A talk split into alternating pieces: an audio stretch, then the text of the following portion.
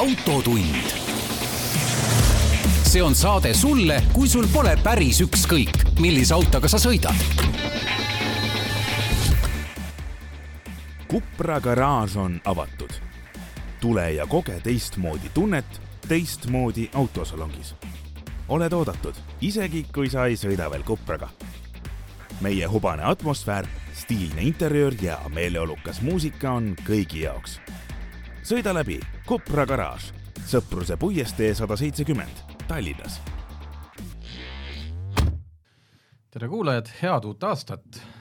kaks tuhat kakskümmend neli esimene Autotund on eetris ja stuudios äh, viienda jaanuari varahommikul seitse kolmkümmend on kohale tulnud Raiko Ausmees, me oleme peaaegu nagu teles juba see, mõlemad teles käinud mehed kõvasti, tead, kus pead kuus nelikümmend viis seal kohal olema. Krimmis, Krimmis. Krimmis olema, meie Krimm on tegemata meil. raadioeelis nii-öelda. just, saab siin põhimõtteliselt hommikumantlis istuda, suits käes. suitsu ei ole äh,. Räägime... oleks, oleks me kuuekümnendate mehed, siis oleks. ilmselt nii äh,, tavaliselt Raiko stuudios, siis me alla tunni hakkama ei saa, täna, täna vaatame, proovime, Raikol on lihtsalt aja peale minek, sellepärast me siin täna vara alustasime äh,. õues on külm Raiko tuli diiselmootoriga, jah? tuli muidugi. mina tulin elektriautoga. ma võin sulle, vaadates viimaste päevade uudisvoogu, kus põhimõtteliselt justkui nagu ainult elektriauto omanikud oleks selle jõleda külmaga hädas, ma võin sulle öelda, et minu Rivian, just nimelt tegin seda diiseri saate teises pooles, räägime ka Rivianist, millega ma hetkel sõidan. ma ei tea, läks käima. tegin veel nalja, et oli käiamist kõvasti, aga lõpuks võttis nagu veo taha kuidas sul oli? Läks samamoodi käima, üllatus-üllatus ja sealt Järvekülast äh, tulen, mina ei tea, ega ma otseselt tähele ei pannud, seal Vana-Tartu maantee peal veel ta sooja ei puhunud, aga siia jõudsin ju, oli ju hea olla autos, et ega siis noh oota, aga eramaja inimene, sa ei ole viitsinud mingit kaablit või seda kasvõi elektrilist, seda plokisoojendust või? tead, mis minu sellel konkreetsel bussil tegelikult isegi siukse külmaga on hästi mm.? üks väike lisainvesteering oleks vaja teha, aga kuna ta tõesti läheb pigem tegelikult ruttu soojaks ja seda tänu, tänu sellele, et tal on sõidusoojendid, tal on tegelikult vebastupump olemas mm, -hmm. ta hakkab tööle sul okay, siis, kui sa süüte sisse paned, onju.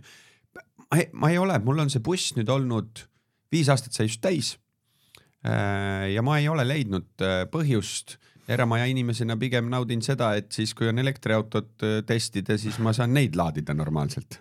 jah, ja tegelikult, mis ei ole küll isegi vist seadusega lubatud ja soodustatud, aga ütleme, kui on selline hommik, kus sa näed, et su auto on näiteks selle, ma ei tea, jäävihm, ta on selle jääkorra all, sa lihtsalt astud samamoodi hommikumantlisse õue, paned selle käima. mingidki minutid, noh. just ja, ja. nii kaua, kui toas riietud, nii kaua on sul auto, auto puhas. uute autodega ongi see, et ma samas kõikidele kuulajatele, kellel siin on uued ja moodsad sõidukid, ega ma niimoodi nagu vanasti autosid tiksuma pandi, seda täna väga enam ei soovita, sest et äh, A äh, tegelikult kollektorid võivad täis tahmata, seda muidugi pikas perspektiivis, tavaline inimene, kes ma ei tea, sõidab auto kolm kuni viis aastat, tema ei saa kunagi teada, et autol see mure oli. aga need autod ei lähe ka soojaks koha peal nii-öelda tiksudes. Need mootorid on nii efektiivsed, need ütleme siis pigem just need pisikesed kolmesilindrilised ja nii edasi, nad on nii kasutegur nii heaks tehtud, et äh, äh ma olen ise vaadanud ka testinud külmaga ühel äh, uuel autol oli siis niimoodi, et mingisugune, ma ei tea, viiekümne kraadini äkki suutis see äh, nii-öelda jahutusnäidik minna ja siis, kui sa paned salongi kõvasti puhuma, siis ta puhub kõik selle sooja sealt ära ja tegelikult sa, sa tunned niimoodi, et väga õrnalt leige õhk ja klaasid ei taha isegi normaalselt, ütleme sihuke miinus kahekümnega sulama hakata, aga tead, mille otsa ma sattusin eile koos ühe sõbraga äh,? see oli Tiit Vähi Äh, Valga autobaasi juhataja minu meelest kunagi ja kaheksakümnendatel tuli välja, et Nõukogude Liit ei suutnud antifriisi toota. aga Valga autobaasi üks äh, vahva foto, mida ma siit kohe Tarmole saan näidata, oli selline siis, et mehed olid välja mõelnud äh, jutumärgid algavad ja lõppevad Webasto. sellepärast, et näed, kaheksakümnendate algus, kuhu on ühendatud peale ja tagasi vooluga ööseks veoautod keskküttetorustikku nii et noh, lahendusi on eestlased leidnud äh, alati. nii, ühesõnaga tegelikult äh, see sissejuhatus tundus justkui juhuslik, aga me eile Raikoga rääkisime põgusalt.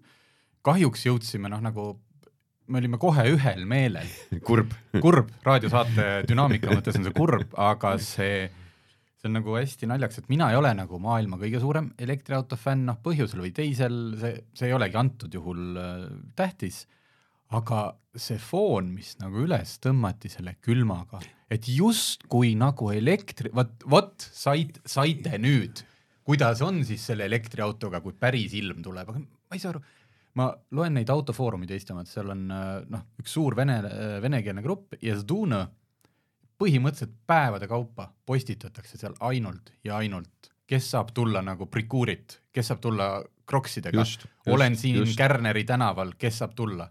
et huvitav, et äh, kas, mis, mis, need ei ole elektriauto omanikud, kes kirjutavad Äh, vaata sama olukord tekkis, mis suvel, et kui see üks elektriauto põlema läks mm, -hmm. siis ju läksid kohe kõik põlema noh, tohutu põleng ja, oli üle Eesti. ja suured, sina ju ka siin suure meediamaja ühe osakonna boss on ju, tead ise, et klikke on vaja. absoluutselt, ma olen ja, nõus. ja, ja pealkirjad lähevad selliseks, et jätabki mulje nagu elektriautost, kui sa selle artikli lahti teed, mida ju paljud inimesed ei tee ei, teevad, aga siis on maksumüür on ees. jah, no näeb neli rida ära äh,, siis tegelikult ma lugesin siin mõned sisud ka, siis äh, asjad olid pigem see, et ma ei tea, ukselink või peegel või, aga sam-, Samad enamik, enamikel oli seesama mure, mis sellel Just, sisepõlemismootoriautol, just, kaksteist volti aku on ära surnud.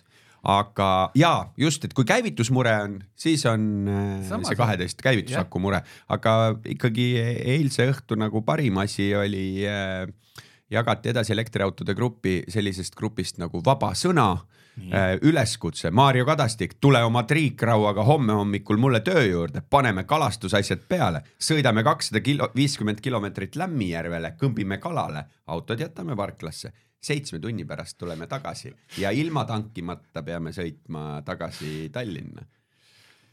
noh, see on muuseas, see on. Rivianiga tehtav. Rivianiga on see muuseas tehtav ja teiseks see on, noh, see on, see on auto, see on tavakasutus, see on täpselt see, seda tegelikult peab suutma iga, iga elektriauto teha. Tallinnast Lämmijärvele seitse tundi kalastada ja tagasi, et iseenesest väga hea test, see on tarbija, tarbija nõu on seal ma, ma arvan täna, kui me võtame siin äh, mingisugused suurema akupakiga äh, Škodad, Hyundai'd, Teslad, jah, no tegelikult korraks see, see sõbralikumaks minnes, siis see kaksteist volti akude probleem on mitmetel elektriautodel selles mõttes küll jah päevakorras ja võib-olla see on nagu üks point, et elektriautod on valdavalt ju tänapäeval uued autod, noh mm. -hmm. üks, kaks, kolm aastat ja siis, kui kellelgi on jama, siis võib nagu tõesti kulmu kergitama panna, et äh, kuule, see ei ole ju kümne aastat vana Leaf, et miks ta ei lähe. näiteks siin äh, Ioniq viitega, võib-olla on see nüüd äh, ära see viga parandatud, aga alguses oli, mäletan. oligi, see on see, et äh, kui sa oled kodus wallbox'is, siis kaksteist volti akut ta ei lae, ainult sõiduakut. sõiduakut. Hakkab laadima siis, kui sõitma hakkad ainult seda kaksteist volti. Ja teine jama on äh, üldse kõik need autod on nii targad, nad eriti kui sinna peale on ehitatud mingid need Gridio või need laadimisäpid, mis kasutavad seda, et mis hind börsil on. jah, et äh, ühesõnaga kõik need äpid teevad auto suunas kogu aeg päringuid, mis tähendab seda, et see auto ärkab üles, seal noh, seal ei lähe käima ainult mingi pisikene mikrokompuuter, seal läheb terve süsteem käima, võtab seal andmeid, eks ju, palju sul akut on laetud, mis tähendab seda, et jah, need, see või oligi alguses probleem ja on kindlasti ka mõnel veel, aga see, see on pigem nagu tarkvara, see ei ole nagu elektriauto kui selle aku või mootori probleem. ja ma tean ka seda, et äh, kui sa selle nüüd meelde tuletasid, siis ma mingi hetk tagasi lugesin artiklit äh, ja ma ei, ma ei mäleta nüüd, mis grupi toodangu kohta, aga sedasama loogikat äh, muudeti, et äh, jälgib ka käivitusaku pinget ja vajadusel läheb seda. jah. ja see ja see on jälle tarkvaraga tehtav. just.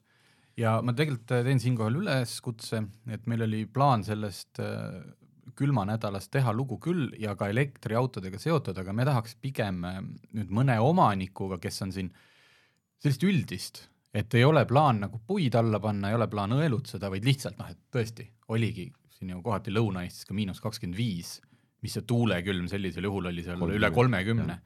et noh, kui palju siis muutus sõiduulatus kui palju aeglasemaks muutus, kui näiteks pidite kasutama kiirlaadimist. noh, kõik sellised asjad, et äh, tahaks sellist kogemuslugusid. aga kogemuslugu eilsest õhtust kolleeg Risto mul käis kolmes Elepordi laadis ühes Woldi laadijas ja laadijad null maksus üks. Äh, ehk tegelikult olukord oli selline, et äh, äh, laadijad ei töötanud. Ja ütles Vabalt ka, ütles ka, et sellesama külma murega ilmselt äh, väga tubli oli no, Eleporti hilisõhtune klienditeenindus, proovis seal restart ida ja nii edasi, kõrval mingi liifimees oli saanud vist mitme tunni jooksul tervelt ühe protsendi juurde. ja taaskord räägime, et see ei ole tegelikult selle elektriauto probleem, kodus saab jumala normaalselt laadida vot nii, Raiko stuudios küsin, saad teha kiirelt siin tutvustuse, et Dakar läks käima? just, kuna Raiko on siin nii-öelda Dakari meeskonna Eesti-poolne natuke nagu tugiisik, saan aru, sotsmeedias ja ja saab sellega tegeletud äh, koos siin Margus Kiivri ja, ja, ja Ristoga meil, et äh, jõuaks see info võimalikult paljude inimesteni ja ma väga loodan, et kõik, kes kuulavad ka Autotunni podcast'i, siis Rally Ride Estonia erinevaid äh, sotsiaalmeediakontosid äh, jälgivad. kas Eestist mitu, ma saan aru, sina nagu tegeled selle Rally Ride Estoniaga meeskonnaga, kas on veel palju, palju eestlasi, Eestlasi- hetkel praegu eest- kõrbes istub? eestlasi kõrbes istub tegelikult palju, aga autodesse neist istub kolm, et ongi Urvo Männamaa, Risto Lepik siis äh, kõige uuema Rally Ride äh, autoga, Century Racing CR7 ja sellest ma tahtsingi tegelikult, Ja- et sa räägiksid. ja siis Kuldersik Benedictas Vanakase kõrval kaardilugejana mm. -hmm. nemad siis on ütleme siis Toyota Hilux. DKR, mis on, tähendab seda, et auto esiklaas on Hiluxi oma ja iluvõrel olev logo on Hiluxi oma, et ülejäänud asi on ka Lõuna-Aafrika Vabariigis spetsiaalses tehases nullist ehitatud. Mis see Cent- Century, eelmine aasta Männamaa sõitis ju ka Toyotaga, see oli Jaa. vist see, Hilux V8, V8. Vanakase eelmine. nii nüüd on see Century Racing, mis see on, Tegelik- mis mootor seal vahel on? tegelikult hakkame gramm nagu kaugemalt peale, et kui äh, Urvo nii-öelda tava off-road'ist Rally Raidi tuli, siis tema esimene sõiduk oli ka Century Racing, see oli siis CR6. tolleaegsed äh, reeglid äh, olid, ütleme pigem kaldu sinnapoole, et see tagaveoline toimiski paremini. see oli ka hetk, kus äh, Peugeot ju tuli mingiks ajaks Dakari tagasi ja, ja olid ka tagaveolisega ja tulid äh, Dakari võitjaks ja nii edasi ja Urvol oligi siis too hetk, äh, see oli äkki, mis seitse liitrit vabalt hingava Corvette'i mootoriga, see CR6 on ju. ja need reeglid olidki niimoodi. Ja kuna aga ikkagi tunne oli see, et sel autol peaks neli ratast vedama, siis mindi üle selle Hiluxi peale, Benedictas Vanagas sai endale uuema põlvkonna äh, Hiluxi, mis siis oli äh, V6 ja topeltturboga ja V8 vabalt hingav jäi Urvole, aga Urvo tõdes seda juba eelmine aasta Dakaril, et äh, vabalt hingav V8 ja võimsust õhku puudu, et see turboga asi lihtsalt toimib paremini okay. erinevatel pööretel. lõppkiirus on suurem, lõppkiirus on Dakaril oluline, onju. ja pöördus siis tagasi, ega ta uuris ja suhtles siin praktiliselt igasuguste Rally Raid autosid tootvate kohtadega, sest et äh, siin palju ka poleemikat eestlaste seas tekitanud, et näed, et miks äh, M-Sport ei arenda WRC autot, sest et nüüd lähevad Dakarile, seal on ka taust tegelikult selles, et rahuneks kõik korraks maha ja uuriks äh, natukene elu selle Fordi, millega nüüd siis M-spordi kirjades, M-sport pakub tiimiteenust. Jah, see on ka ehitatud seal Lõuna-Aafrika Vabariigis ühes tehases, kes on juba teinud kolmkümmend viis nii-öelda jutumärkides jälle Raptorit. Ja see jah, osa raha tuleb Ameerikast Fordist, aga noh, M-Sport Ja, on ja. seal ikkagi nii-öelda teenusepakkuja onju mm -hmm. aga tulles jah siis selle Century Racing, see on siis nüüd CR7, see on siis Century Racingu esimene neliveoline masin, sest nad juba mingi hetk sellest vabalt hingavast mootorist äh, loobusid äh,. ja võtsid kasutusele kahe üheksase Audi topeltturboga V6 mootori äh,. ja nüüd siis tegid ka nii-öelda, nad ise ütlevad, et see on nagu täielikult ikkagi, see ei ole, et kui äh, CR6 ja CR6 vahe oli see, et vabalt hingavalt mindi turbole, siis CR7 on ka nagu, nagu täiesti ikkagi uus asi ja lisaks siis on ju nelikveoline, neid autosid on maailmas kaks. teise autoga stardib sellel aastal Dakarile, ma jään jälle võlgu, Brian Pagranat, täitsa valge mees. Lõuna-Aafrika Vabariigi äh, rallireidi meister, äh, tulnud parim tulemus autodega Dakarilt äkki üldkokkuvõttes neliteist quadraceritega kunagi kolmandaks tulnud äh, ko kogemustega sõitja. Ja mõlemaid neid autosid hooldab Rally Raid Estonia meeskond. Ehk need mõlemad autod on ühe telgi all, on siis Eesti, hunnik Eesti mehi mm -hmm. ja pluss siis insenerid Century Racingu poolt, aga kui me räägime nüüd sellest, et mida see Century Racing seal maailmas tähendab, siis äh, stardis on kokku about kaheksakümmend oli neid, seitsekümmend kaks või seitsekümmend seitse, seitsekümmend kaks äkki, äh, pigem siis seitsekümmend äh, seda autot, autot.. ja sellest mingi kolmkümmend prossa on Toyotat, kuusteist prossa on ehk kaksteist autot on Century Racing, Century Racing on suuruselt teine selles maailmas. aga põhimõtteliselt ta võistleb samas klassis, kust tavaliselt tuleb see Dakari üldvõitja, kes ja, on see Al-Nassir ja, ja.... just, just. Ja väga palju kõvasid sõitjaid on selle Century Racinguga sõitmas, kindlasti nagu üks siukseid äh, tuntumaid nimesid, noh, kes eestlastest teavad, need teavad äh,, Hollandi vennad Tom ja Tim Coronel, Tom Coronel veel on väga hea ringrajasõit ja tuli siin DCR-is meistriks sellel aastal ja tema on ka see mees, kes äh, Hollandi vormel ühte kommenteerib ja nii edasi ja ta on nagu aastaid sõitnud ja on ka selle Century Racingu juurde jäänud, aga no ma ütlen, kaksteist masinat stardis, eile tehti ka siukene ühispilt, kus kõik need Century Racingud aeti peale, onju, et väga äge ja suur toetus on nagu noh, mis, mis põhiline asi oligi, et sa olid küll selle Toyotaga, aga võib vist otse välja öelda, ega väga ei huvitanud ka Toyota siis öelda meie kohaliku maaletoojatega edasimüüjat, et veel üks eestlane. totaalselt ju noh, nii-öelda mm -hmm. oma finantseeringu peal, sa ei ole mingisuguse tiimi liige. Äh, küll kui vanakas katkestas, siis tehti ka üks postitus, et, et äh, üks Toyota veel Eestist võistlust tules, onju, aga ütleme, et see turunduslik ja promo pool, see selleks, aga teine asi ka see, et äh, äh, ega sa ei saanud ka seda tuge ja asja, neid Toyotasi on kõigil seal, neid on palju äh, ja need, kes on seal ladviku tipus, nende jaoks jagub varuosi ja asju rohkem, et Century Racing lihtsalt äh, nagu oma suhtumiselt ja asjalt toetab nagu kõiki seda kahteteist masinat mm -hmm. nii palju, kui ta saab ja seda enam, et nüüd Urvo on ikkagi üks nendest esimestest, selle uue autoga, sul on seal lisainsenerid ja asjad, mis noh, sellisel maratonrallil väga tähtis millal nad oma auto kätte said, on nad seda Eestis, on nad seda Eestis kuskil Männiku karjääris rappinud ka? ei ole, äh, Urvo sai sellega... ma nägin pilte sisuliselt, see auto oli nagu Lego, noh, ta oli need rattad olid alt ära võetud. see oli nagu- transpordi nagu, jaoks. ei, ma saan aru, aga kas mõtlesin, et kas see tuligi juba otse nagu tehasest ja nüüd panid kõrbes kokku ja äh,? sai äh, sihuke, ma ei tea, nädal, võib-olla rohkem enne Dakari sai Namiibias kõrbes Risto Lepik kaasas ei saanudki käia see hetk, Urval oli üks mehaanik kaasas, et äh, sai teha kõrbes lihtsalt ühed testitiirud, siis see auto jäi Lõuna-Aafrika Vabariiki okay., komplekteeriti lõpuni, kleebiti Rally Raid Estonia disaini ja nii edasi, onju. siis võeti lahti, et ta sinna lennuki sellesse transpordialusesse mahuks ja siis tegelikult mehed esimest korda oma autot nägid ja kokku panid ja saidki nüüd teste teha sellel nädalal, seadistusi ja asju aga no Urvo on mitu korda öelnud ka, et äh, see on keeruline sport.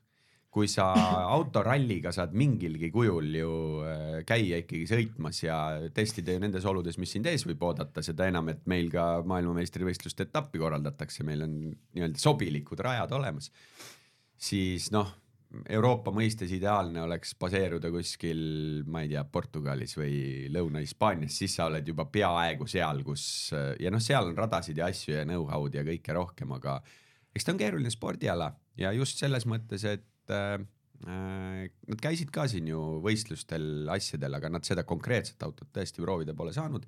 Nad äh, rentisid Century Racing ust siin Rally to Morocci jaoks seda turbomootoriga versiooni, et saada aru nagu, kuidas see mootori asjad käib mul tuli meelde, et ma olen ju käinud mitte Al-Nassir, vaid äh, Nasser Al-Attiyah. just.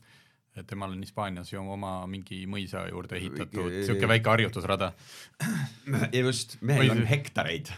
jah. korraks, et me jumala eest tunni sisse ei mahuks, kuna mul endal tekkis küsimus, et sa kasutad kogu aeg seda, et, et tuli off-road'ist ralliraidi, mis asi ralliraid on? sa kasutad, see ei ole, see on nagu tiimi nimi, aga ma saan aru, et see on tegelikult see on mingi- distsipliin kind of ütleme. lihtsasti seletades off-road sport ikkagi tähendab seda, et oled Mutta, mudas ja võimalikult, tuleb, tuleb ikka vintsida ja nad, nad on, noh vaata, suur oluline vahe on see, et see rallireid ja eksisteerib seal kuskil siis ma ei tea on, kui nagu- ma, kui ma tohin niimoodi öelda, siis ta on nagu autoralli ja off-road'i vahel. ralliraid maasturitega või ra- tähendab ralli maasturitega. Kind of, sest et äh, legend eksisteerib, Jah. aga ta ei ole klassikaline kiiruslegend ja noh, kui sa katsete pikkuse ja kõige selle peale mõtled, kes tahab natuke sellest legendist aimu saada, mina sain, mul õnnestus siin Eesti esimesel rallireid võistlusel Urvol kõrval olla selles iluksis. meil peaaegu et oleks poodiumile saanud, kindlasti oleks Urvo ja Risto selle võistluse võitnud, aga kaardilugeja taha jäi seekord väga palju. aga meil on äh, Instagramis, kus äh, Risto seletab lahti kaks rida sellest, et mis on seal nendes tulpades mm. -hmm. tegelikult on, seal on kaardilugejal, seal võib küll tunduda, et seal võib olla niisugune asi, et noh, nüüd kuus kilomeetrit otse. aga sa pead ikka valvas olema seal otse, jah just, et Jah. see otse on, palun sõida ilma nagu kompassit, et sul on tühi väli, sõida Jah. nüüd otse. noh, neil ongi need, et neil on tegelikult seal legendis ka ette antud, et noh, kurss kakssada kuuskümmend kaheksa on ju aga noh, see kakssada kuuskümmend kaheksa, kui ma ütlen kuus kilomeetrit, see võib ka rohkem olla. kui see on nagu kakssada kuuskümmend seitse ja pool, siis sa sellest waypoint'ist kaldud nagu ikka Ahah. juba sadu meetreid eemale. et äh, ma ei tea, ma ei oskagi hästi lihtsasti ja lühidalt öelda, aga ta on nagu jah, ütleme siis äh, rallisõit äh, maastikul, aga need mastaabid ja kaugused ja pikkused ja noh, Dakar on ülim, aga tegelikult äh, kuulutatakse välja ka rallireidi nii-öelda maailmameister, sest on erinevad etapid, esimene etapp on Dakar ja viimane on see Rally du Maroc, sinna vahele jääb veel etappe, kus siis mehed saavad osaleda. okei okay,, võtame siis Dakari asja kokku, millal algab, millal lõpeb? Täna viiendal proloogiga algab, üheksateist jaanuar äh, lõpeb, eestlastel ja palun olge Rally Raid Estonia tegemistega kursis, aga tegelikult see aasta on ka üks hea võimalus veel. TV6 maksis väga kalli paketi ja tunniajased kokkuvõtted eestikeelsete kommentaaridega hakkavad õhtuti seal ka olema, et, et järjest rohkem sellele tähelepanu pööra- pööratakse. okei okay., kuna Raiko stuudios, siis äh, tegelikult ma siin eelmine aasta vist jõudsin mainida ka, valisime, valisime siis äh, Eesti, Eesti auto kaks tuhat kakskümmend kolm. valisime selleks suure žüriiga äh, Range Rover Spordi. nii äh,, pall äh,, nüüd on, mis, sa vist ütlesid tegelikult ju oma hääled ka seal välja oma esikolmiku. ütlesin. mis sina valisid tegelikult?, mis mina valisin, mul on ko- korraks nüüd tuli see siukene väike, väike Mäluhäire, mäluauk pidin hakkama, võtame kiiresti üle, finalistid olid meil Ioniq Ioniq kuus, kuus ID Buss, ja, Peugeot nelisada kaheksa, ja Austral Austral, ja Range? Rover Sport. just, viis tükki. just ja minu esimene, minu hääl läks äh, Ionicule, teine bussile. jäin kuidagi sinna elektriautode asja, vist Peugeot kolmas kuidagi niimoodi ta mul kujunes. aga jaa, suure žüriiga mm,, mis ei koosnenud ainult autoajakirjanikest, aga üks asi, mille tahaks lahti rääkida, on see, et äh, Eesti autogala äh, nagu see žürii valik ja selle koostamine ja ütleme siis ka finalistide äh, valiku osa, meil on justkui siis äh, professionaalne žürii ja influencer žürii. professionaalne žürii on see, kes tegeleb igapäevaselt äh, Eestis ütleme siis autoajakirjandusega, puutuvad nende autodega igapäevaselt kokku, on äh, loodetavasti kõigi eelvalikus olevate sõidukitega aasta jooksul sõitnud.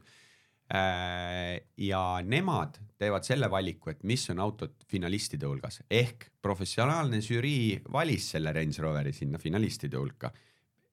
ja nüüd äh, liites sinna siis äh, sihuke mõjuisikud äh,, kus meil seal äh, sportlasi, muusikuid äh, hulgas oli, siis ei saaks öelda, et äh, äh, selle äh, nii-öelda, muidugi mult on küsitud, oo no nüüd on kõva värk, on ju, nüüd eestlased kõik siis ostavad seda kallist autot. aga kui sa seda valikut vaatad, ka väga hea auto ja professionaalse žürii poolt tuli ka väga palju maksimumhääli. mm. -hmm.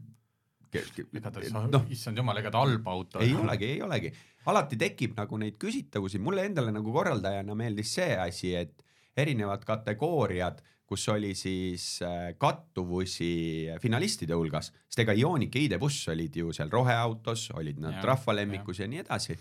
ja iga kategooria võitis äh, erinev sõiduk. Range Rover võitis selle Eesti auto, roheautoks Ioniq kuus, rahvalemmikuks Volkswagen ID.Bus selles mõttes nagu äh, mulle väga-väga see lahendus meeldis ja no muidugi endiselt jätkas, jätkus see sportauto teema, et äh, Ford Ranger Raptor äh, nende hulgas on.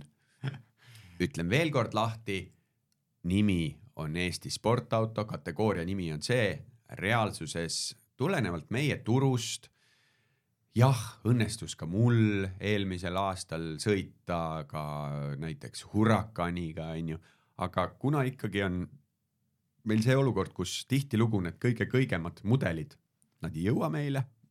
isegi kui nad jõuavad, Porschel tuli palju väga häid autosid välja, aga panime ise eelduse ette, nendega peab sõita saama Jah. ja see nii-öelda sportauto lahti kirjutatud on siis emotsiooni pakkuv sõiduk ma ütlen ausalt, Ford Ranger Raptor on emotsiooni pakkuv sõiduk. kirjutan jälle alla, kahju, me oleme Raikoga täna kõige, kõigega ühel nõul, lihtsalt see on see, et täpselt, et mi, miks see sport peab olema mööda siledat puhast me just rääkisime Dakarist. Me oleme, mina olen sõitnud sellesama Raptoriga üle kõrre või siukse nagu natuke üles säästatud kõrrepõllu. põhimõtteliselt seier oli saja peal ja siis ma edasi juba vaatasin põldu, võib-olla läks ka üle. noh, selles mõttes sa paned mööda, kas Ferrari'ga paned mööda kõrrepõldu sajaga, et ma saan ju, ma teen ju seda täpselt sedasama asja, kihutan, siis ma võtan kurvi efektselt, noh, ma teen seda lihtsalt tee pealt maha keerates. ja on ju sportauto? on, on ja, ja ma ütlen, et kui me läheme nüüd tagasi sinna just räägitud Dakarist, siis äh, Ranger Raptori põhjal autoga minnakse seda kõige-kõigemat tiitlit äh, püüdma, et me ei saa öelda, et see ei ole sport. Üks endine kolleeg siin tegi põneva artikli. tšau, Kaido, kuidas sul läheb muidu, võib ka helistada, sul on mu number olemas. aga äh, oligi teemaks, et noh, et Eestis ei tehta sellega ju sporti või no aga, aga Eestis ei tehta Ferrari'ga ka sporti.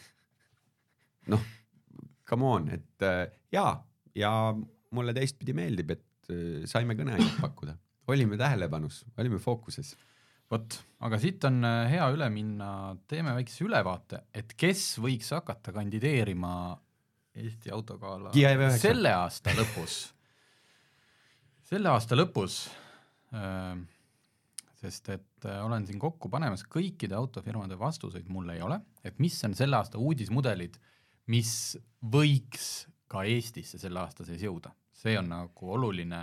ma tean, et autogala ilmselt asi läheb lukku kuskil suve augusti, lõpus. augusti lõpus me aga tahaks põhimõtteliselt jah. ja me tahaks finalistid juba välja öelda selleks ajaks, kui Tartus näitus toimub. aga, et ma siit võtan paar asja ette.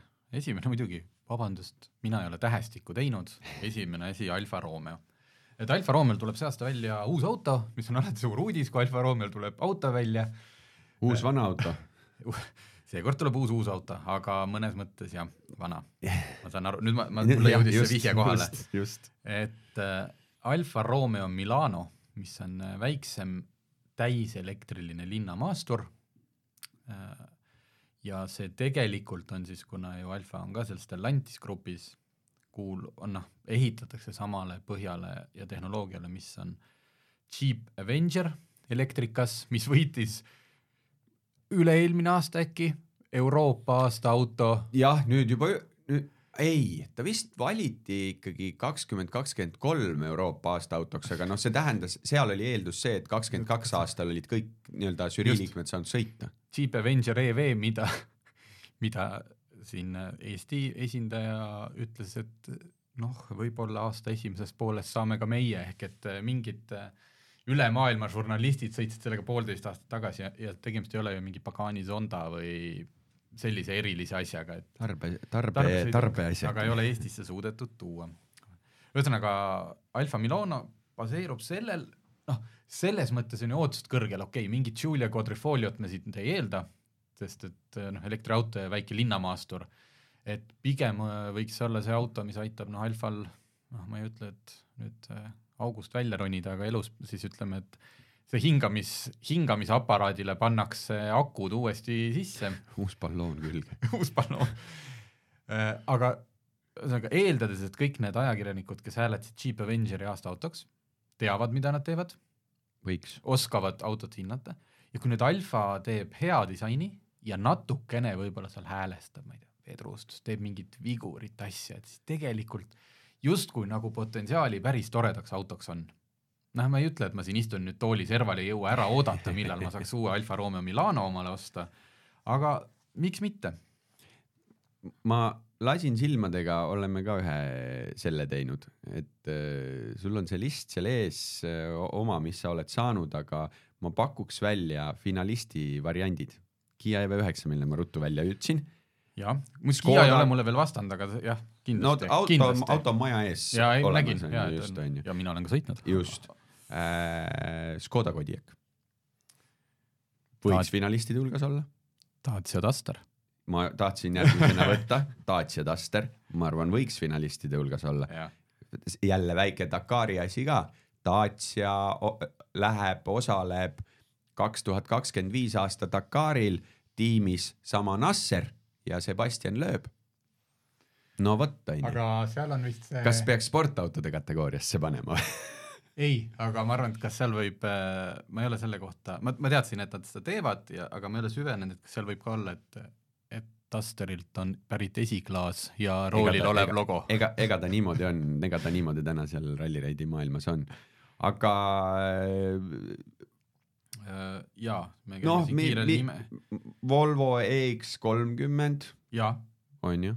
See on ka muuseas Eestis kohal, te saate seda salongis saate näha, sõita vist nad ei ole veel arvele võtnud.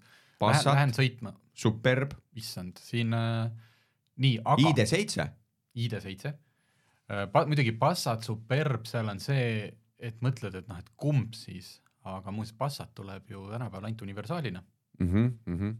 aga seal tõesti läheb raskeks jälle, eks ju, et kumb siis, kumb siis valida. Santa Fe, Santa Fe aasta lõpus äh, Hyundai ütles, et võiks jõuda küll, ma Jah. olen äh, seda laivis näinud, käisime Tšehhi või Slovakkias Hyundai tehases ja väga, väga kihvti, väga kihvti disainiga tuleb uus Santa Fe, guugeldage, kui ta just roolis ei ole, siis guugeldage Hyundai Santa Fe, ma ei tea, kaks tuhat kakskümmend neli. see on ikka. Hyundai, Hyundai teeb äh, sellist disaini praegult, et ohohoo. Renault Rafale, jaa, sest Peugeot nelisada kaheksa, ta, ta on ju see samasugune kind nagu of jah. Kupeelik sedaan, mis on maast natukene kõrgem, aga ei ole linnamaastur. elame huvitaval ajal elektri Macan, ja Porsche tuleb, Porsche Macani elektriversioon peaks jõudma see aasta, Porsche ütles, et noh, nad võib-olla teavad, aga nad ei saa öelda või, või siis tõesti ei olegi veel äh, lukku pandud, aga see aasta jõuab. ja siis tegelikkuses on nii, et mitte liiga palju veel tähelepanu Eestis saanud Honda ZRV ja mis e, e, Anyone, Anyone jah, just täpselt. ja muuseas aasta lõpus ka Volvo EX üheksakümmend. jah, tõsi, tõsi äh,. aga äh, käredamatest, huvitavatest äh, Ioniq 5N, ma arvan, et sportauto Civic Type R lõpuks, see on jälle üks auto, mis just. tegelikult nagu on, on juba olnud. aasta või kaks turul. no siin tekib ka see, see küsimus, et äh, infoautosalongis on juba jupp aega olnud Ford Bronco, aga mina ei luge-, ole teda lugenud ühegi nimekirja sisse sellepärast, et jällegi Sõita ei saa. sõita ei saa, olemas ta on, onju. tuli ka aasta lõpus Eestisse Fordi nüüd F sada viiskümmend on ju suurkastikas.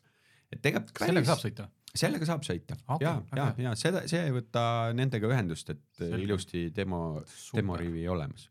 Et ma ei ole ise ka, ma ootan äh, järgmist seda talvemotiivi, mõtlesin, et selleks ajaks mul on see, et mul on iga-aastane see äh, oma korporatsiooni suusamatk, kus ma olen tehno, viimastel tehnobuss. aasta või no üks kolm-neli aastat on niimoodi, et ma olen aru saanud, et see suusatamine pole, hästi ilus on muidugi, kuna ma olen seda, vist eelmine aasta oli meil kahekümnes matk, mina vist olen käinud viieteistkümnel. aga jah, ma kuidagi leidsin oma niši, et meil muidu tegid rebased olid see tugimeeskond, käisid kuskilt renditi mingi vana traffic või midagi, siis ma olen nüüd võtnud oma enda tööks selle, eelmine aasta käisingi seal Saaremaal, olime terve nädalavahetuse Ford Raptoriga. no no see, on see, et ja. nemad sõidavad ja kuna see on ikkagi tsiviliseeritud selline, enamik on meil seal vilistlased, sellised vanad, vanemad mugavad inimesed, et siis noh, olenevalt kuidas satub, et iga viie-kümne kilomeetri tagant siis mina ootan, suusa suusamotiiv. suusamotiiv, just nimelt, tõstan seal teekanistrid maha auto pealt, pakun ja. sooja jooki, kes tahab seal, ma ei tea, särki vahetada. Väga hea, see F sada viiskümmend on hea mõte. ma ei tea nüüd, kas juba jõudis, kuidas on BMW viies seeria ja i5 jaa, issand, mul on see sõitmata, meil jäi see aasta lõpus. aga ta on aasta, ta on selles mõttes, et äh, loeme No. teda ikkagi nagu selle aasta Ja, ja, ta- need on ta- nii, nii aasta lõpus. Amarok, millega mina juba olen sõitnud, mis tegelikult on Ranger Raptor on ju. ei, Ranger lihtsalt, mitte Ranger, tavaline Ranger Wildtrak või noh, see jah, kolme, just kolmene V6 V6 diisel. vabandust, vabandust jah, Ford Rangeri baasil.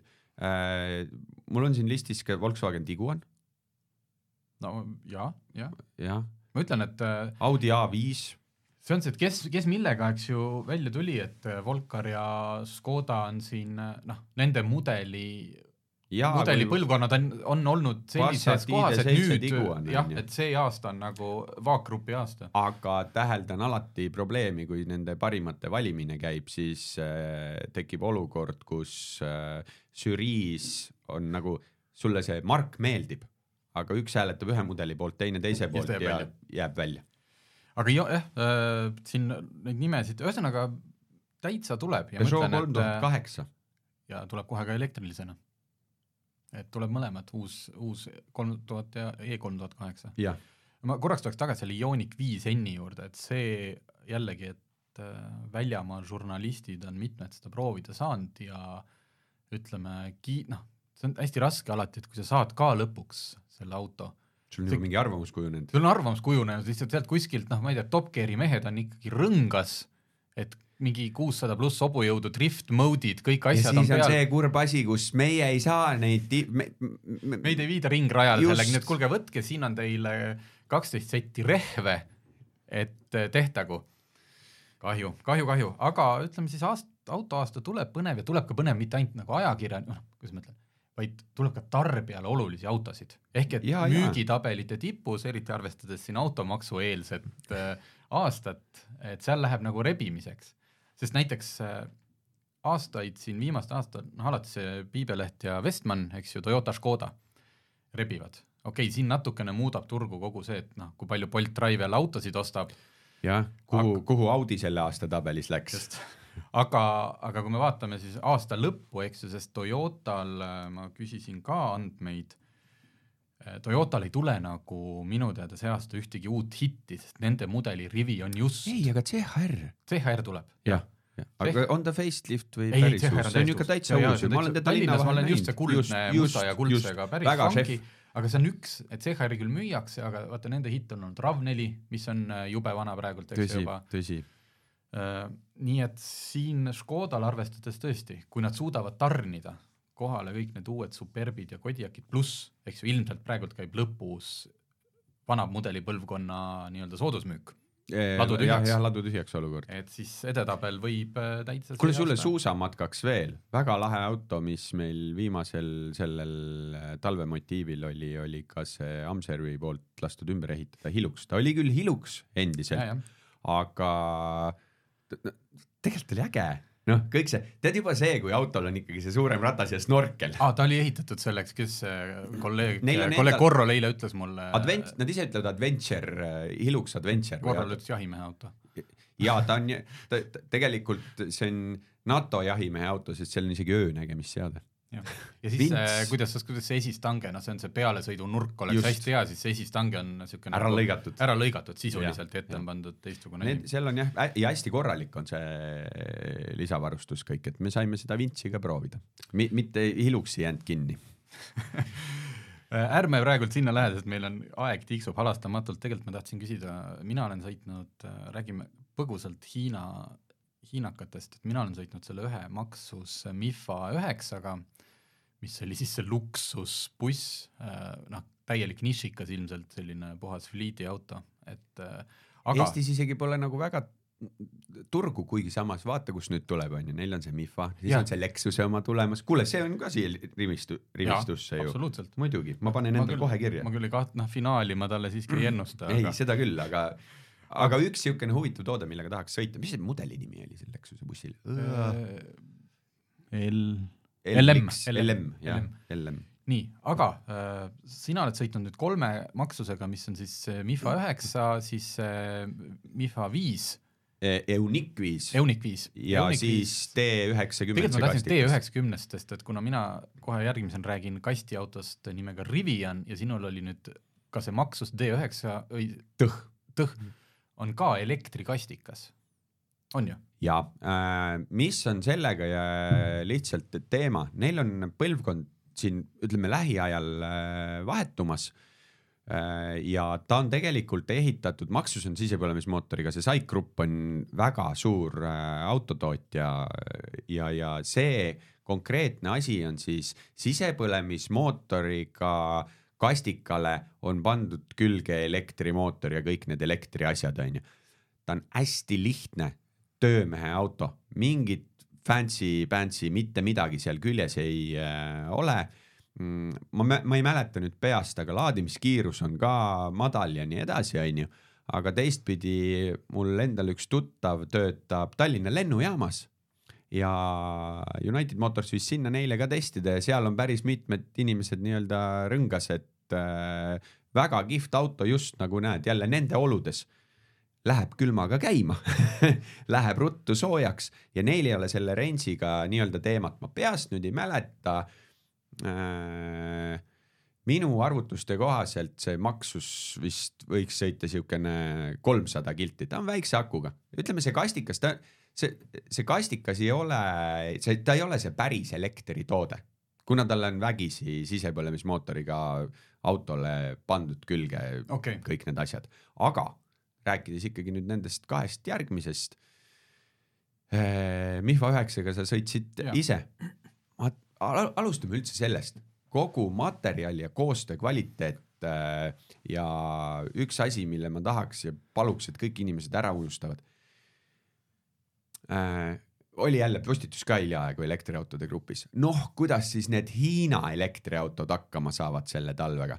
Aga miks me Tesla ette ei, ei ütle, et Ameerika elektriauto, miks me ei rõhuta seda, miks me ei rõhuta Saksa elektriauto, me võiks selle riigi korraks Ei, nagu ära unustada. ja väga hea, me ei nüüd ei ole ühe asjaga nõus. me ei ole ühe asjaga nõus, sellepärast et sellel Hiina autotööstusel on lihtsalt, jätame kogu poliitika ja keskkonna või Hiina autotööstusel on lihtsalt Euroopas väga suur kivi kaelas, alates sellest mingi kaks tuhat kaksteist, siis kui nad üritasid tulla, briljantsid ja mis siin tulid olid. tulla sisepõlemismootoriga autodega, mis olid noh, olgem ausad, täielikud käkid võrreldes sellega mida tootis ülejäänud maailm.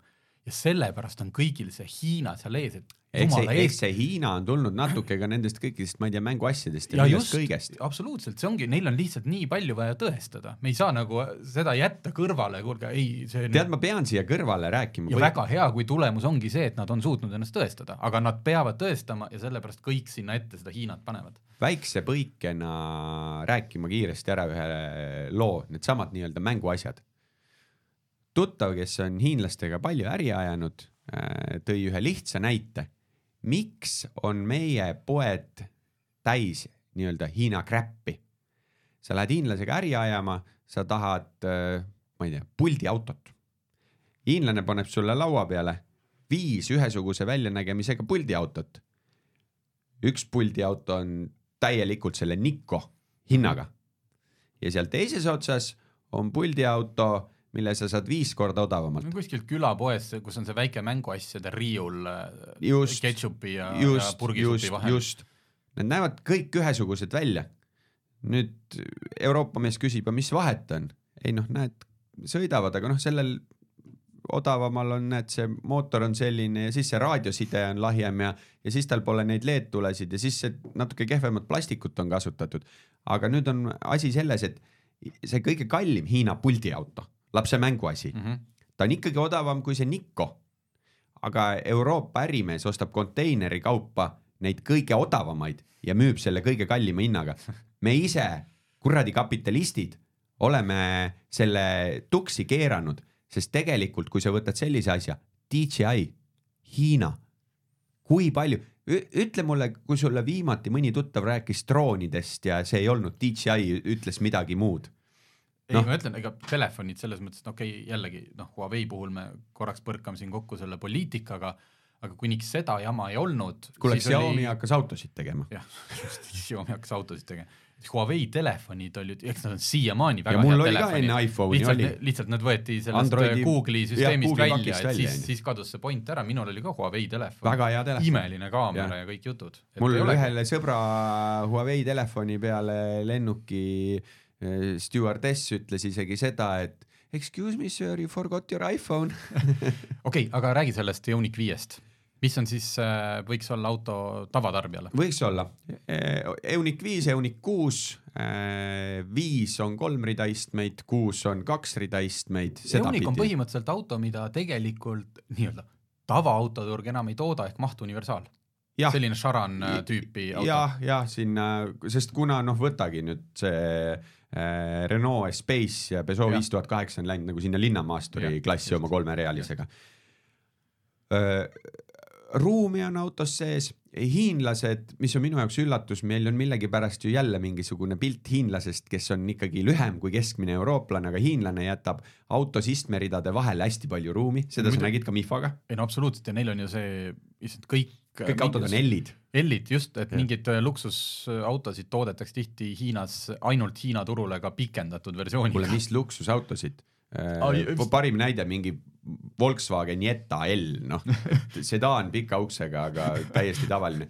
viies seeria pikk, E-klass pikk, noh, neid ei ole meil olemas, onju et nad on hästi palju nagu salongi ruumi jätnud, mis jätab mulle mulje, et hiinlased ei tassi asju palju kaasas, sest eestlasel on ju vaja panna rehad, labidad ja Aha. kõik maailm, mina ka muidugi kolmelapselise perega sõites iga päev selle kaheksakohalise bussiga, millel kolmas rida istmeid on välja visatud, sest et suusad, jalgrattad, mis iganes, sa saad lihtsasti nagu kaasa võtta, onju.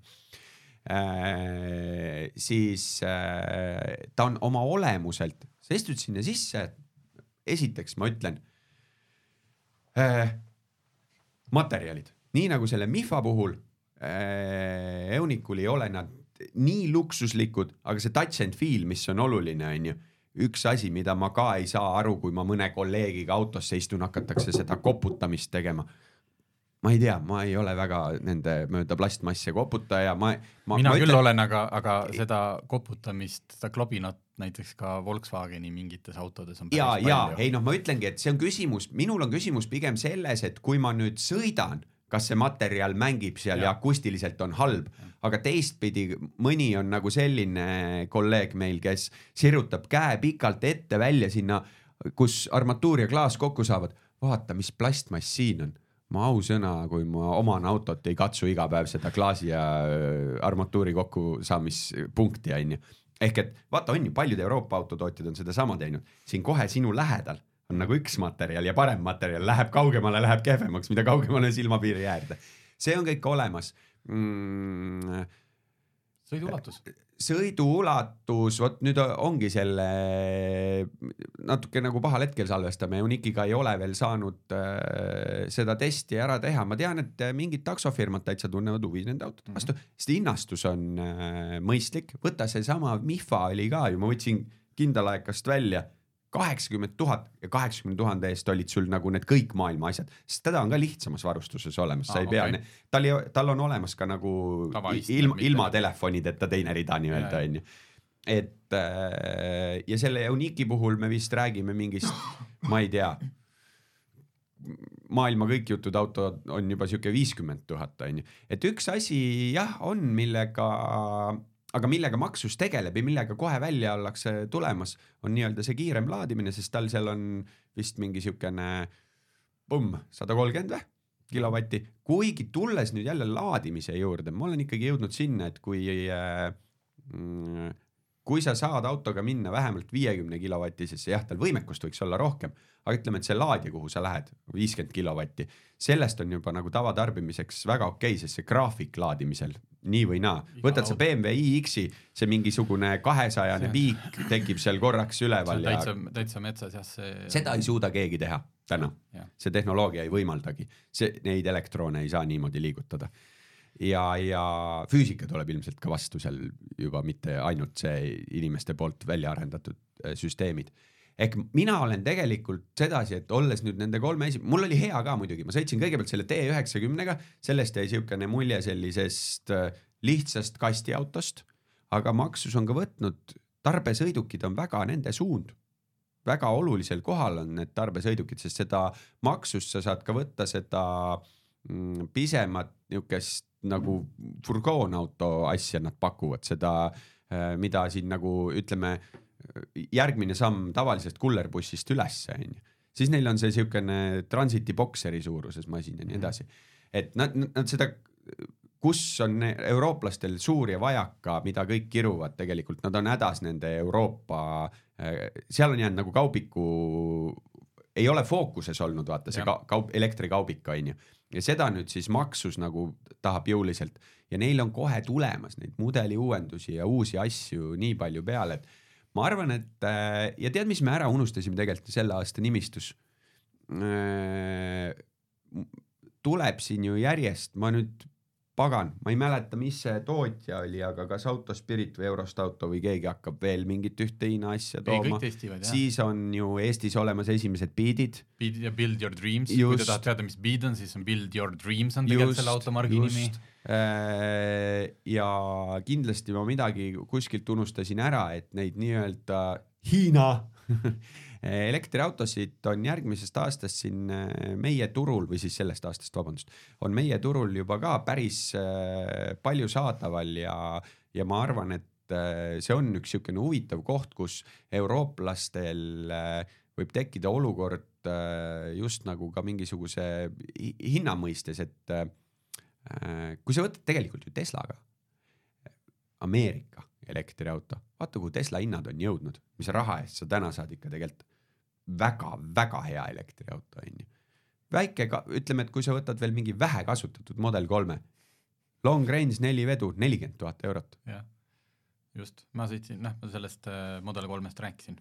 nii, aga aeg tiksub halastamatult ja me ei saa nüüd ju küll sellest saatest välja jätta kastiautot, kastiautot, millest me saate jooksul oleme paar korda rääkinud seda kokkulõikamist mina ei viitsi teha, et hakata sealt vahelt ära lõikama ja ma ei tahagi, sellepärast et nüüd tuleb juttu Ameerika elektriautost. ja kuule, see on ikka tõeline Ameerika, see, see kastiauto ju vaata. kastiauto ja sisuliselt ma ei mingi, kuidas seda nime, nimetada võiks, iduauto või startup auto, sest et Rivian ja.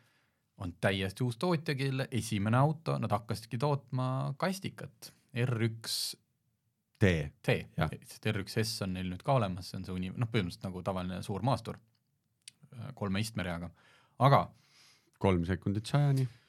täiesti, ühesõnaga see Rivian jõudis minu, jõudis minu juurde täiesti juhuslikult, ma ei, me teadsime, et Eestis üks on, me oleme isegi teinud üleskutse, et äh, kelle oma see on, et tahaks sõita, ei saanud tagasisidet ja täiesti ühe teise vestluse käigus mulle siis äh, see auto pesitseb Ameerika autos, mis on seal ähm, Sõpruse puiesteel. Äh, seal tegeletakse selle Eesti, noh, põhimõtteliselt tüübikinnitusega, et saaks Eestis arvele. Et äh, väga palju keel-, noh, vot elektriautoga on see, et äh, juba, juba esimene takistus kukub ära, et sul ei ole seda mingite heitmenormide või et kuskil ütleme, USA-s on ühed normid, Euroopas on teised ja sa pead seda juures, sa pead hakkama tellima mingeid neid analüüse ja asju, et noh, seda ei ole, juba lihtsam. Äh, vanasti või noh, mis vanasti, ka praegu on ju jama muudest regioonidest toodud autode tuledega. noh, Inglismaal on tuled valetpidi, eks ju, Ameerikas on mingid oma reeglid.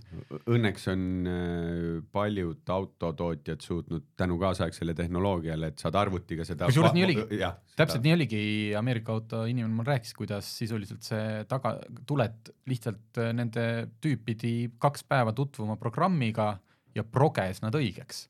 et nad oleksid nii-öelda, et Euroopas peab oranž tuli vilkuma ja mis ja. kõik on ju aga ühesõnaga Raiko ütles, ühesõnaga, mul on äh, praegult siin äh, stuudio või äh, toimetuse hoovis seisab auto, millel on neli mootorit. sellel autol on igal rattal oma mootor ja tal on kokku kaheksasada kakskümmend kolm hobujõudu ja tuhat kakssada Newtonmeetrit pöördemomenti. ja nagu elektriautodel omane, on see suhteliselt kohene pöördemoment. Samas kaalub see auto ütleme circa kolm pool tonni, tal on all all-terrain äh, maastikurehvid, noh, ma, mina nimetasin noh, esimese hooga sõpradele, mudakad on all, noh ei ole selles mõttes mudakad, tal on lamell on sinna ka sisse, ta on ikkagi all-terrain, aga ilmselgelt ei ole see rehv mõeldud siia Lapimaale kuskil jää peal sõitmiseks, vaid pigem ikkagi Californias äh, kaljudel ronimiseks ja düünil. nii et äh, mul oli esimene, kui ma selle auto kätte sain, noh, jumal issand, see on võõras, see, see kuulub kellelegi, see ei ole nagu esinduse auto, noh, käitun sellega nagu ikkagi väga viisakalt. põhimõtteliselt Rimi parklas ma võtsin ühte, tulin noh, umbes Rimi tagant, et pöörata seal niisugune suurem nagu maa, noh, ma olin võib-olla gaasijalaga natukene liiga ennatlik ja sisuliselt ma keerasin selle auto seal kohe risti, sellepärast et äh, noh, kolm pool tonni ja kõik see asi. jabur, täiesti jabur auto. Toome olulise numbri veel, guugeldasin kiirelt üksteist tuhat pounds'i Can Towes matšas üksteist tuhat pounds'i, mingi viis tuhat kilo ju. jah, et on selles mõttes äh, mitte kellelgi ei ole vaja kaheksasada kahtekümmet kolm hobujõudu, noh niimoodi. ei no kui sa, paned, kui sa paned viis tuhat kilogrammi ja siis on ja selles mõttes ma ütlen, et noh, et tegelikult kuussada oleks ka ole, täitsa okei okay,, et selle haagise veoks. oleks ka nelisada ja viissada väga okei. Okay.. just, aga elektritehnoloogia lihtsalt võimaldab seda, seal ei ole, et, see nii-öelda üledimensioneerimine ei ole nii raske, noh et sa pead võtma siis mingi kuueliitrise mootori, panema sinna kaks turbot ja siis kogu selle jahutusega, no okei okay,, jahutusega tuleb elektriautos ka tegeleda. aga ja lubavad mingit, ma ei tea, kuutesadat kilomeetrit reisi. tal on sada kakskümmend kilovatt-tundi aku. just. suur, sellepärast see autoga nii suur. raske on. ma laadisin ta eile, noh, kõik ju teavad, et meil on siin praegu siuksed Tallinnas noh, miinus kuusteist külmakraadid. Laadisin kaheksakümne viie protsendi peale, sest tal oli sinna pandud see piir, mul endal seda äppi ei ole, mina seda muuta ei saanud ja ei tahtnudki. ja kui ma olin auto kaheksakümne viie protsendi peale laadinud, ta näitas mulle range'i täpselt nelisada. noh kujutage ette, kui nüüd oleks suvine ilm ja ma laeks ma selle saja peale.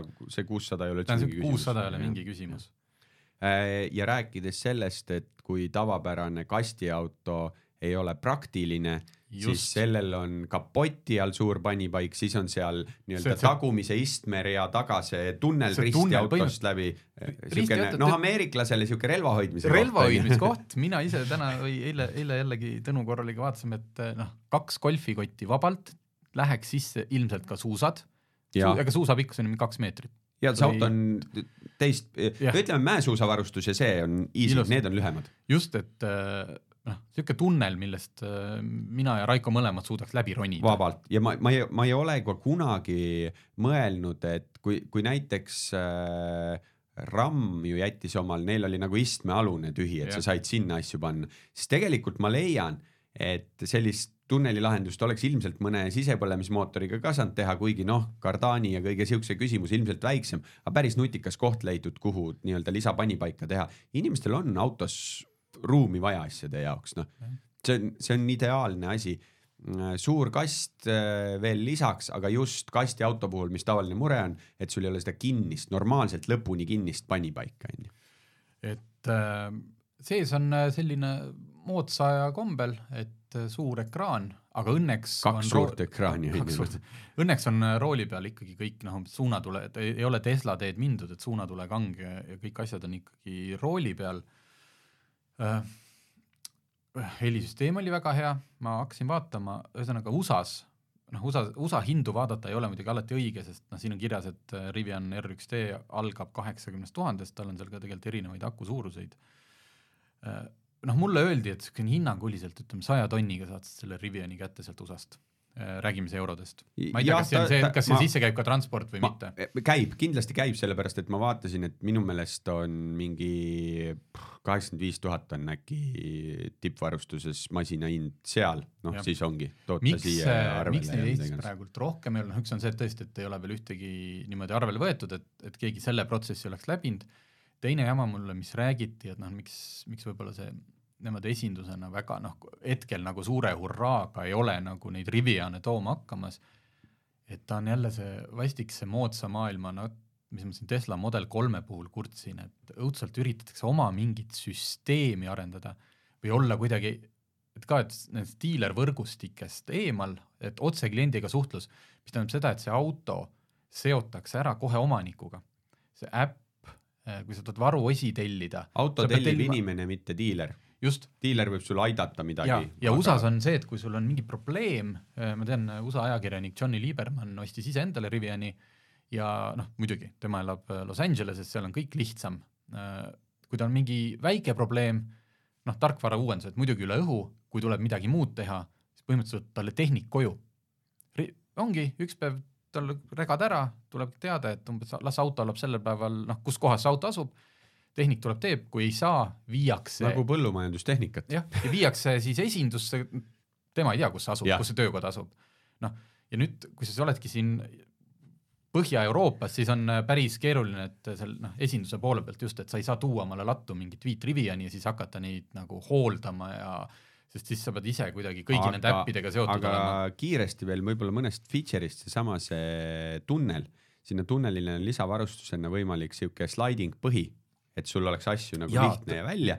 Ja siis tal on ju see äh, originaallisavarustusena viis tuhat dollarit maksev äh, väikene kämpinguköök, mis on varustatud ka tuhande neljasaja vatise induktsioonpliidiga, külmik, pliit, kõik äh, nii-öelda sahtlitega köögivarustusasjad on sees, mille samamoodi siis noh, tegelikult on tore ja ma vaatasin kiiresti järgi, see Frank on ka mingi kolmsada viiskümmend liitrit noh, ma ei tea, äh, Toyota Yarise pagasnik on sul nagu ja. ees veel. ta on täpselt, ta on niisugune madala põhjaga, aga hästi lai, et lapsega eile vaatasime, et no sisuliselt saaks ühe inimese sinna sisse panna ühe, ühe paned sinna pikali, sinna tunnelisse ja ühe paned ette kapoti alla. ja üle Mehhiko piiri. just ühesõnaga noh, sõiduomadustest, et ma nüüd lähen sellist äh, natuke maanteesõitu alles täna tegema, aga loomulikult noh, arvestades, mis rehv tal all on, et siis ähm, väga kusjuures seda, nii palju kui ma eile sõitsin, sellist sõidumüra ei olegi, aga aga loomulikult seda rehv otsib ikka korralikult mm -hmm. teed.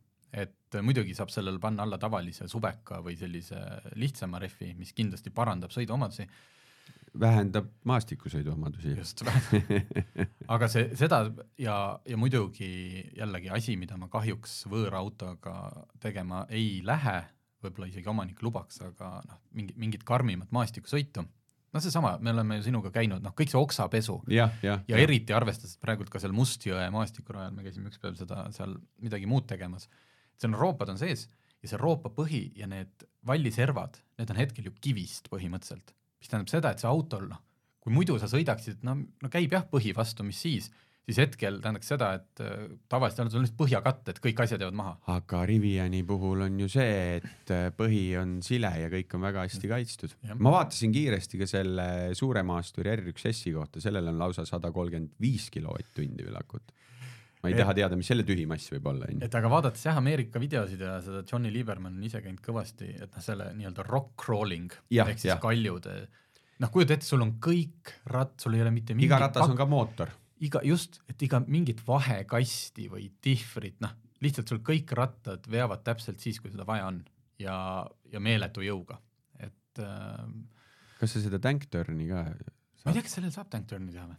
peaks saama. Rivianil ju minu meelest, kas, kas ei olnud Rivianil? ei ole vist, see on äh, Hummer H1-l on see ei, mingi, ei, minu meelest Rivian oli, ei, aga Rivian oli esimene, kes võib-olla nad seda näitasid lihtsalt seda, ma ei tea, kas nad seda tavatarbijale on avanud, sest ma arvan, et see on ikkagi sest et sellega see on see paha lugu, et ru jah, rumal tava, seda tohib teha nii-öelda loose ground. jah, just, et muidu saaks asfaldi peal üritad äh, donut-sõit teha või mida, noh, ühesõnaga sada lollust, mida nad ei taha, et inimesed ilmselt teevad. väga tore, Tarmo tegi me siin ümber kvartali tiiru ka ja järjekordselt ikkagi see, et sa sinna istud sinna autosse sisse, täiesti tavaline okei okay auto, tead, mis Riviani puhul, kui sa ütled startup äh,, mõtle, kus Tesla alustas, esimesed S-id, mingid uksevahed paigast ära mm, -hmm. kojamehed ei olnud vastu klaasi, siuksed mured äh, tuli nagu üle elada. täna ju Tesla tegelikult Model kolm, super, kõik super mm. -hmm. aga kui sa võtadki kõrvale selle, et see Rivian on samamoodi täiesti null, null, null olnud, et siis on juba see esimene auto on nagu väga-väga hea. Sulle disain meeldib? Muidugi mulle meeldib. ta eest näeb Mulle välja, ütleme, eest näeb välja ikkagi väga-väga veider. see Jaapani, sa ütlesid ise selle sama asja. hentai stiilis selline- Need e- ohoo imestusega tuled, aga mulle meeldis algusest peale, sest et äh, äh, see siukene suhteliselt kandiline, puhas, selge, lihtne joon ja siis sinna neid niukseid äh, quirky asju sisse tuua, nagu need äh, tuled äh,. jaa, mulle meeldib. Ja noh, mis sa arvad, kas ma olen praegult olnud kaks päeva Tallinna noh, kõik kõige nagu vaadatum kutt, sellepärast et noh, kõik lihtsalt vaatavad, mis asi see on, mis asi see on ja need, kes teavad, need vaatavad, oo kurat, Rivi on Eestis, noh et nagu selline Ei. tähelepanu. eile, jah, eile, eile, üleeile, vahet pole. Mifa üheksaga oli see olukord, et seisan foori all, mingi mees tuleb Hiluksi ja Haagisega, näed niimoodi, ta võtab hoo maha, ta saaks muidu oma ritta esimeseks autoks minna, aga ta jääb minu kõrval seisma, vaatab midagi, pildistas, et äh, see on lahe, kui on äh, sellised autod, mis tõmbavad nii ulmelist tähelepanu. tead, mida mina siia lõppu tahaksin äh, su käest küsida? mm,. võtan natukene seda saatejuhtimise rolli. kakskümmend, kakskümmend kolm mingisugune eredam või kolm eredamat proovisõitu. uh, me neid panime tegelikult isegi kokku, üks oligi seesama Raptor, mul ikka mingi värk selle Raptoriga on, et mulle ka eelmine, eelmine Raptori põlvkond oli väga sümpaatne. Lexus LM, Lexus LM, kui ma käisin sellega seal välismaal sõitmas, siis oli ühesõnaga noh, põhimõtteliselt enamus aja veetsid ikkagi tagaistmel. et sa ikkagi lased ennast lihtsalt ringi sõidutada, teed tööd, mugav, noh vaata kunagi ei satu ju sellisesse vipp-rolli nii väga see oli üks ja kahjuks, kahjuks aga mõni äh, kasutatud või vanem või midagi siukest ei tule meelde? kindlasti, aga mul ei tule meelde. minul tuleb meelde ja mul ja mul tuli see sellepärast tegelikult meelde, et seesama, et sa ütlesid, oo Riviani vaadati, onju. me oleme siin mõlemad saanud sõita mingisuguste Bentley'te ja asjadega, ka vaadatakse. aga sa ei kujuta ette, mis tähelepanu ma sain viiekümne kuuenda aasta, mis siis, Citroen Traction Avantiga. ja tead, see oli lahe sõiduelamus, ma sain äh, ühe tuttava auto, tuleb meil siin mingi hetk ka väikene review video, aitasin Tartu autonäitustel seda Prantsuse autode väljapanekut. Mm -hmm. ja siis sealt ujus igasugu asju välja. Ja seal Traction Avantiga ma tegin Tallinna linnas mingist öise sõidu ja kõige, paljud inimesed vaatasid, paljud pildistasid ah,, ma istusin sellega ka Järvevana ummikus, noh, seal ma sain nii palju tähelepanu, lihtsalt inimesed tekitasid lisaummiku sellest, aga äh, öine Tallinn, jõuan veel ühe töötava foori taha. Äh,, kõrvale tuleb kiirabiauto, kes laseb seda pasunat ja signaali, vaatan, kiirabiautojuht näitab pöialt, onju, see on nagu nii, nii nagu äh, cool ja tore hetk, et inimesed panevad tähele, sellepärast et see Traction Avant on äh, hästi klassikaline auto, hästi selline nagu need autod tol ajal äh, olid, onju. sõit ja- oli raske või? No mi- mingid hetked olid, kas tal on, kas ta on käigukang, mis Jaa, on see- armatuurlaua sees sisse-välja? just, just, just, et sa pidid teadma, kuhu need käigud lähevad ja siis mingisugune tuleb ju vahepeal ikkagi suunda näidata, mingid naljakad lülitid, asjad, mis, et kui me räägime täna, et äh, oi-oi-oi, Tesla kaotas tulede kangi ära, viiekümnendatel ei olnud ka neid seal. käiguvahetus, sidurdamine, pidurdamine, inimesel oli korras auto, selles mõttes midagi, külmkäivitusega käima, kõik okei okay,, kõik noh, kui need autod on korda tehtud, nad on ju vaata ka nii lihtsad, onju. sa oled seal laitses ju ka nende mingite vanemate mm -hmm. asjadega, nad ju lähevad käima, ega mis seal häda selles mõttes on. aga noh, mis ma siia, ma ei tea, teisele poole otsa tooks Ferrari kaks üheksa kuus GTB ja, ja Huracan, noh, onju. aga no nad on, tead, mõlemad otsad on nii kättesaamatud iseendale just. kuule, sina oled ilmselt juba hiljaks jäänud igale poole, kuhu sa tahtsid minna, tegime taaskord tublisti üle tunnise saate, jutustada oli palju ja eks kui mul järgmine kord jututuju tuleb, siis helistan jälle, aga head uut aastat sulle ja, ja head teistele ka. aastat kõigile. Kupra garaaž on avatud. tule ja koge teistmoodi tunnet teistmoodi autosalongis. oled oodatud, isegi kui sa ei sõida veel Kupraga.